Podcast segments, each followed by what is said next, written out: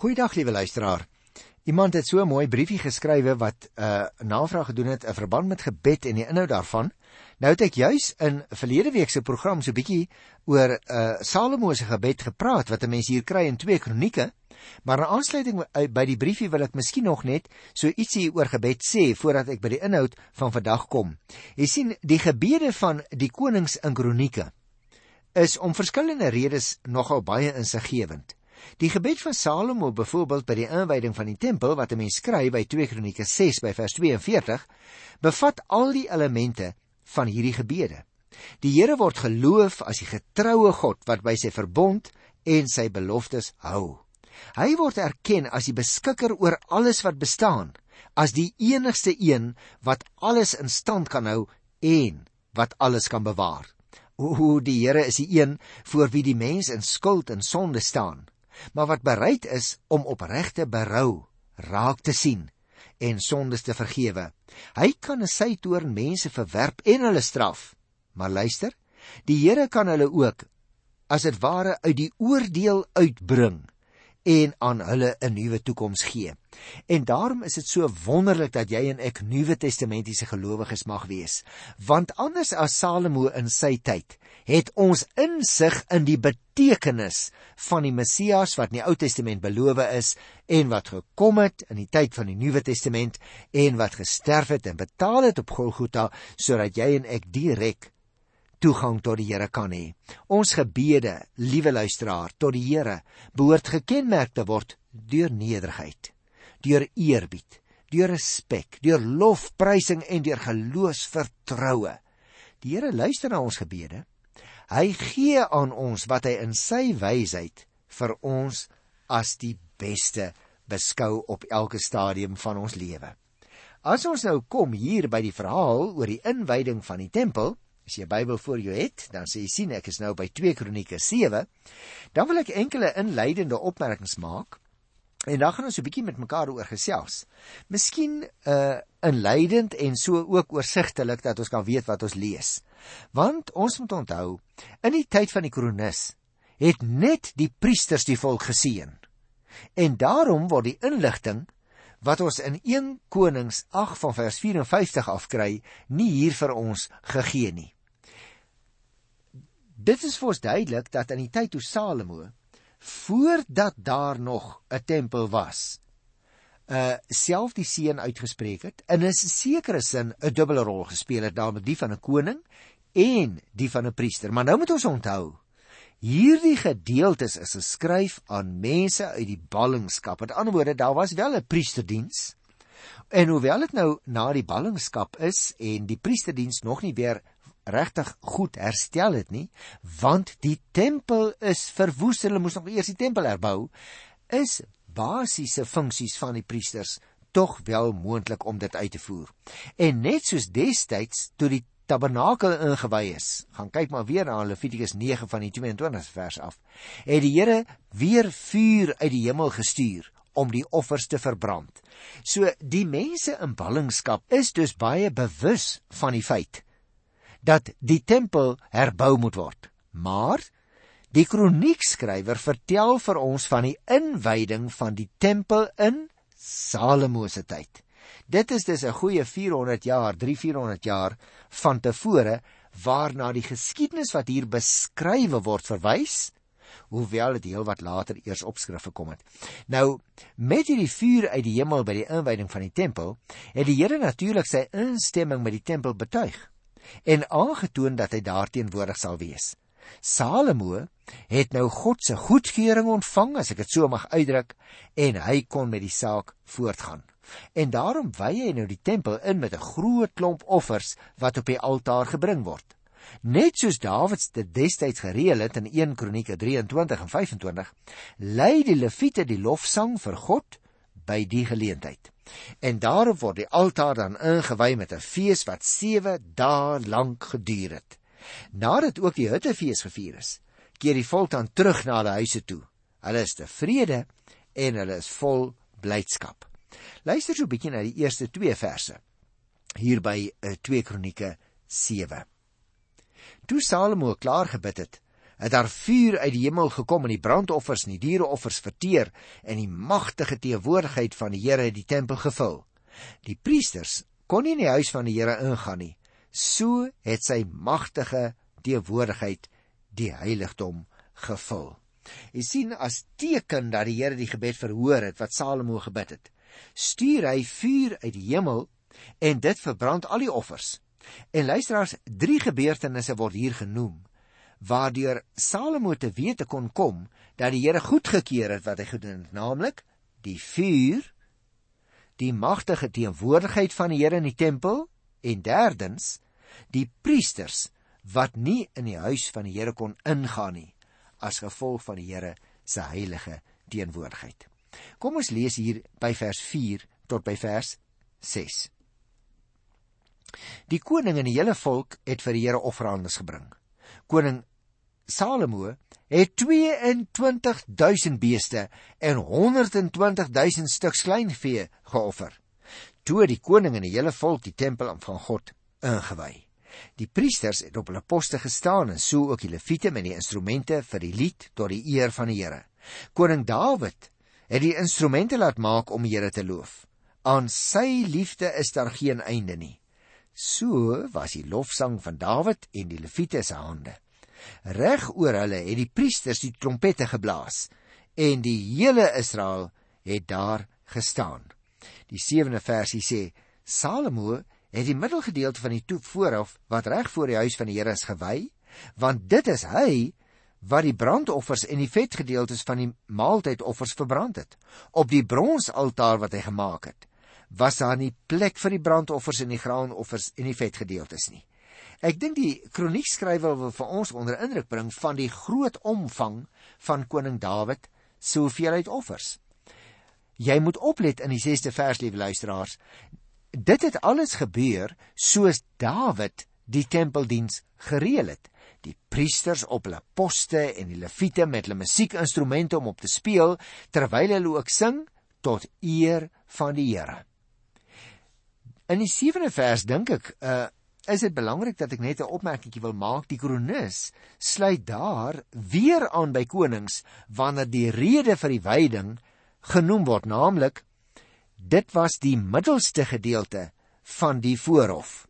En dit was baie belangrik want daar is baie spesifieke offers gebring. Op die bronsaantaar lees ons ook wat hy gemaak het, was daar nie plek vir die brandoffers en die graanoffers en die vetgedeeltes nie. Nou vers tot by vers 10. Salomo en die hele Israel saam wat saam met hom gekom het uit die hele land van Lebo Hamat af daar in die noorde tot by die Egipte spruit in die suide was dit natuurlik 'n baie groot menigte het destyds 7 dae lank fees gehou. Nou dit is vir ons interessante gegevens liewe luisteraar want dit gaan oor uh die omvang ook van die fees, nie net die omvang van die offers nie. Dit was eers sê die 10de versie vir ons op die 23ste van die 7de maand dat Salomo die volk laat teruggaan het huis toe, bly en gelukkig oor die goeie dinge wat die Here gedoen het aan Dawid, aan Salomo en aan sy volk.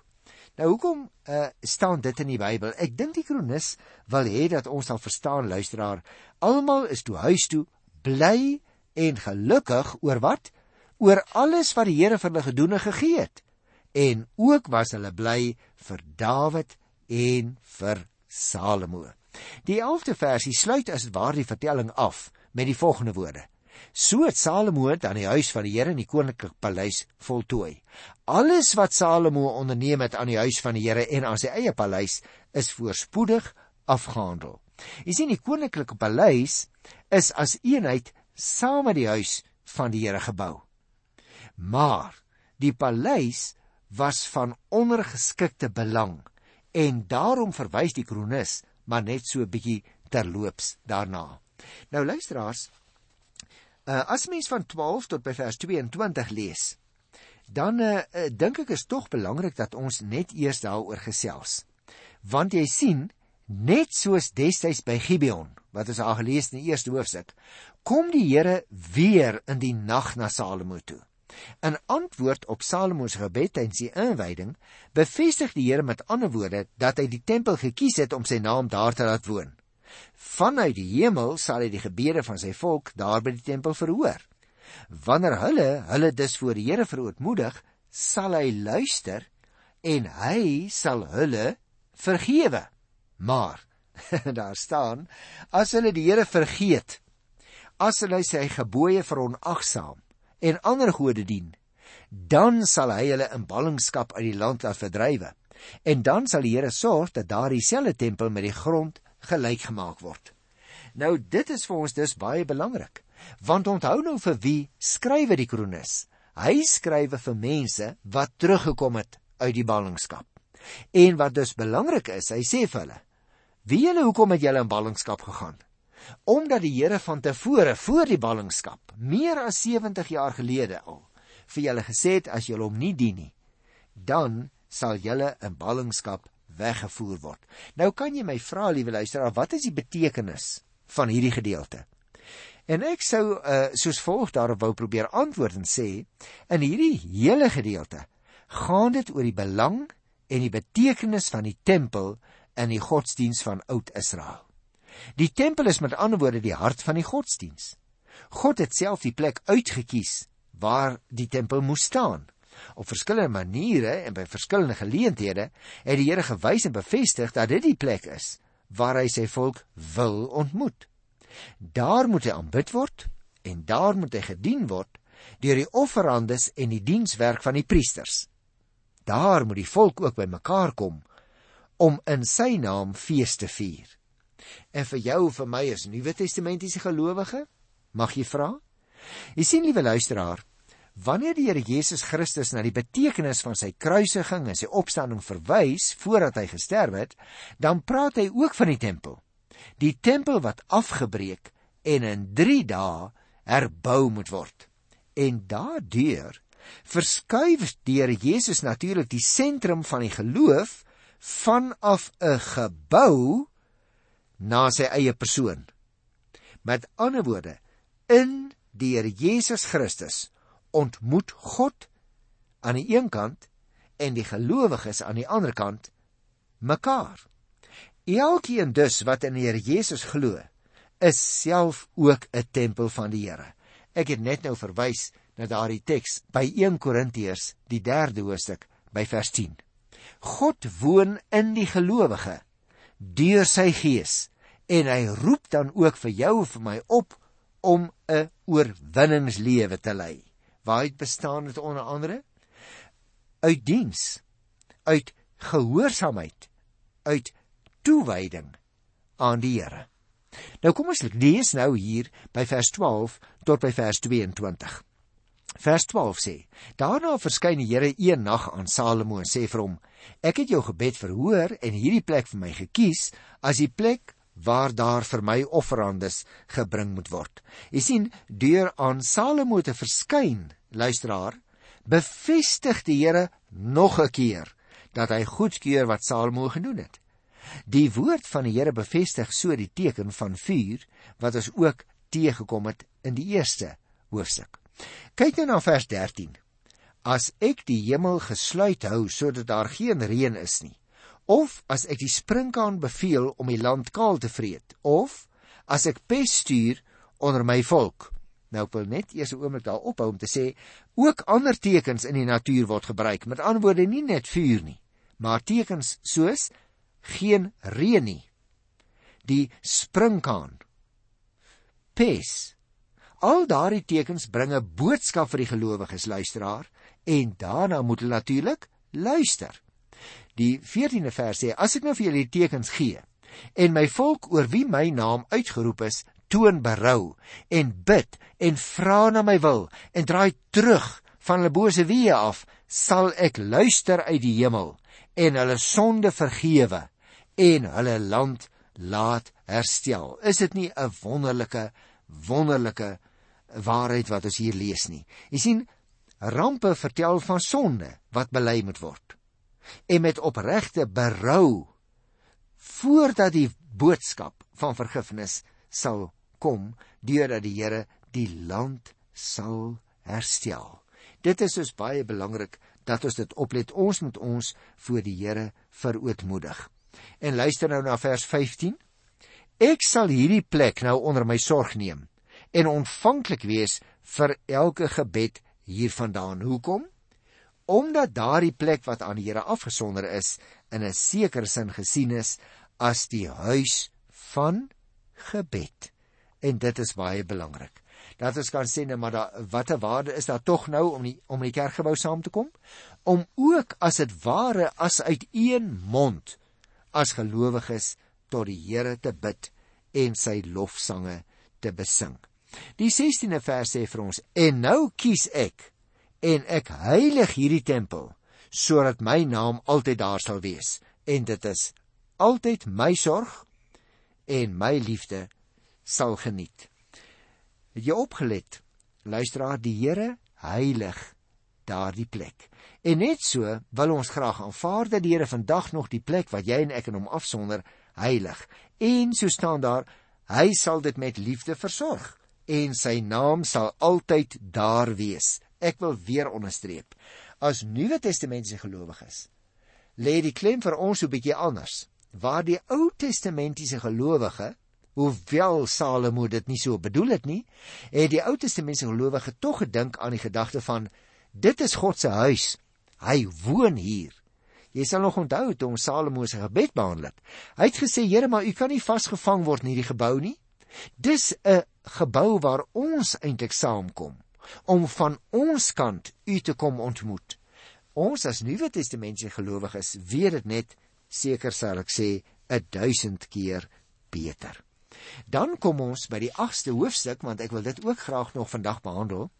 Die opskrif daarvan is Salomo se administratiewe reëlings. Nou ek gaan so bietjie meer daaroor gesels luisteraar en dalk eerder vir jou vertel wat daar staan want ons lees daar van 'n hele klomp amptenare en van 'n hele klomp plekke. So kom ons gesels eers met mekaar en dan sal ek tog by sekere verse stil staan om dit te onderstreep. Ek dink ons moet onthou Salomo se opdrag om die tempel te bou was nog nie afgehandel voordat hy nie ook die maatreëls getref het vir die dienswerk wat by die tempel voortgesit moes word nadat dit ingewy is nie. Dit is dikwels met 'n kerkgebou ook so, liewe luisteraar. Mense kom saam, hulle hou bazaars, hulle samel geld in, hulle gee hulle dankoffers en dan gaan die gebou op. Maar wie hy dan is die taak nog nie klaar nie. Want dit gaan nie oor die gebou nie. Dit gaan oor die verhouding wat die mense wat daar kom aanbid met die Here het. En daarom is dit vir my interessant Uh Salomo volg ook die reëlings wat sy pa Dawid vir die Lewiete getref het. En hy sien toe dat die daaglikse offers en ook die jaarlikse feeste by die tempel sal plaasvind.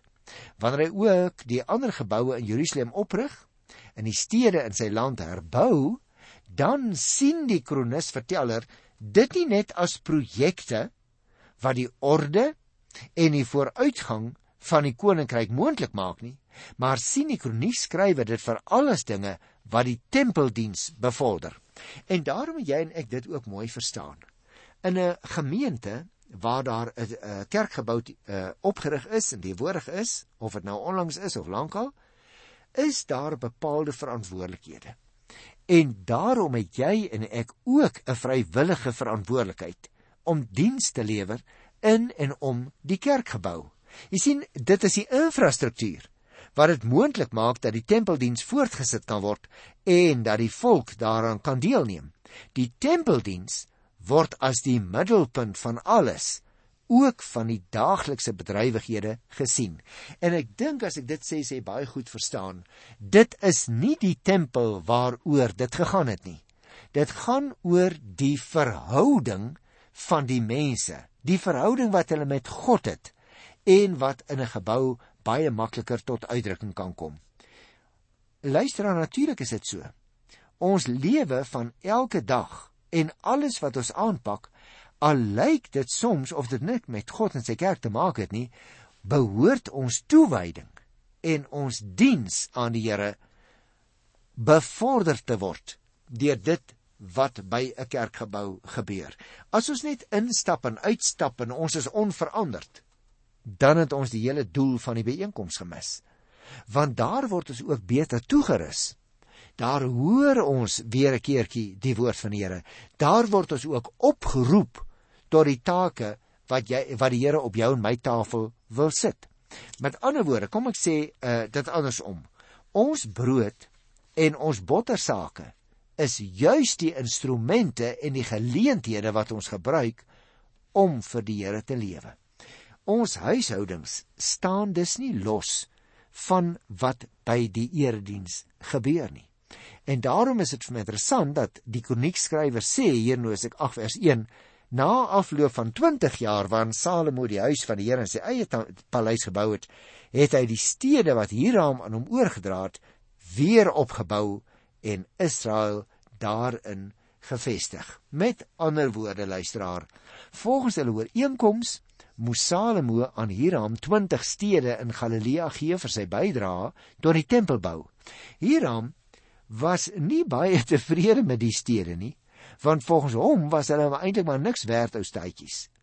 Miskien het hy hulle toe teruggegee. Die Bybel sê nie vir ons nie, maar dalk is dit heeltemal ander stede. Ons weet nie presies wat toe gebeur het nie. In elk geval moes Salomo die stede se mure herstel. Nou kyk nou na vers 3 en vers 4.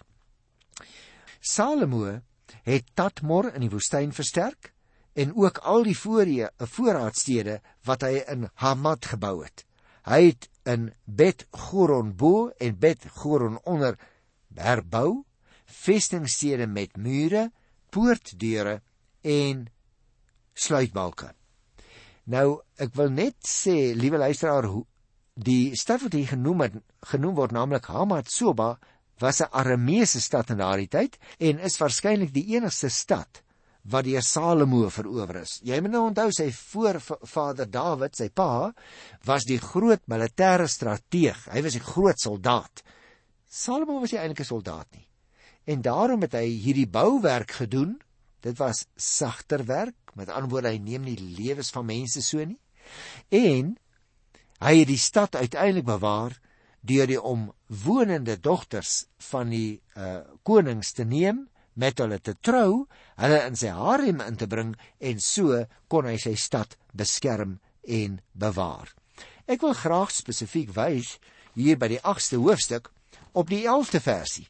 Hier staan: Salomo het die dogter van die farao uit die Dawidstad laat trek na die paleis toe wat hy vir haar gebou het, want het hy gesê: 'n Vrou van my kan nie in die paleis van koning Dawid van Israel woon nie. Dit is 'n heiligdom want die ark van die Here het daar gestaan. Nou die kronikus luisteraar verwys net na die dogter van Salomo hier by name met vermelding van 'n stukkie godsdienstige bedagsaamheid aan die kant van Salomo. Blykbaar was die tent waarin Dawid die ark gesit het net langs sy paleis opgeslaan sodat dit deel uitgemaak het van die paleiskompleks in die Dawidstad. Nou kry die Egiptiese vrou 'n paleis, kan jy dit glo? Salomo gee vir haar paleis buite hierdie heiligdom. Die kritiek wat uh, in 1 Konings 11 op Salomo se heidense vrouens in aanmerking gemaak word, is nogal vir 'n mens opvallend deur die kronikus. Hoekom sê ek dit? Want die kronikus lig nie gewoonlik die konings se swakhede uit nie. Daarom val dit nogal 'n bietjie vreemd dat hy dit hier in Salomo se geval wel gedoen het. 'n Moontlike verklaring luisteraar is omdat ons moet onthou Salomo het lank van tevore gelewe. Nou was die volk al in ballingskap. Nou kom hulle al terug en daarom miskien dat uh, die kronikus selfs dit waag om so 'n bietjie kritiek te laat blyk op Salomo op hierdie stadium van die geskiedenis. Nou goed, dit bring ons by die laaste paar versies van die verhaal en ek wil vers 12 en 13 uh ook graag vir julle lees. Luister nou mooi. Salomo het brandoffers vir die Here gebring op die altaar van die Here wat hy reg voor die voorportaal gebou het. Die offers is gebring soos dit van dag tot dag moes gebeur volgens die voorskrif van Moses op die sabbate, die nuwe maanfeeste, die feestydde 3 maal per jaar en dan vertel die kroniekskrywer vir ons presies hoe dit nou plaasvind het. Ek dink die punt wat ons moet raak sien is dit: naas die daaglikse offers en ook die offers op die Sabbat en die nuwe maan is daar ook nog let op 3 maal per jaar tydens die feeste deur Salomo brandoffers vir die Here gebring. Hy sou dus hom op hierdie stadium van sy lewe baie getrou hou aan wat die Here van hom verwag het. Is dit ook so van jou en van my? Doen ons wat die Here van ons verwag? Gaan lees in Johannes 2 en as jy sien die Here sê as jy my liefhet, sal jy my opdragte uitvoer. Voer jy die opdragte van die Here uit onder leiding van die Heilige Gees? Ek groet jou in die naam van die Here tot volgende keer. Tot dan. Totsiens.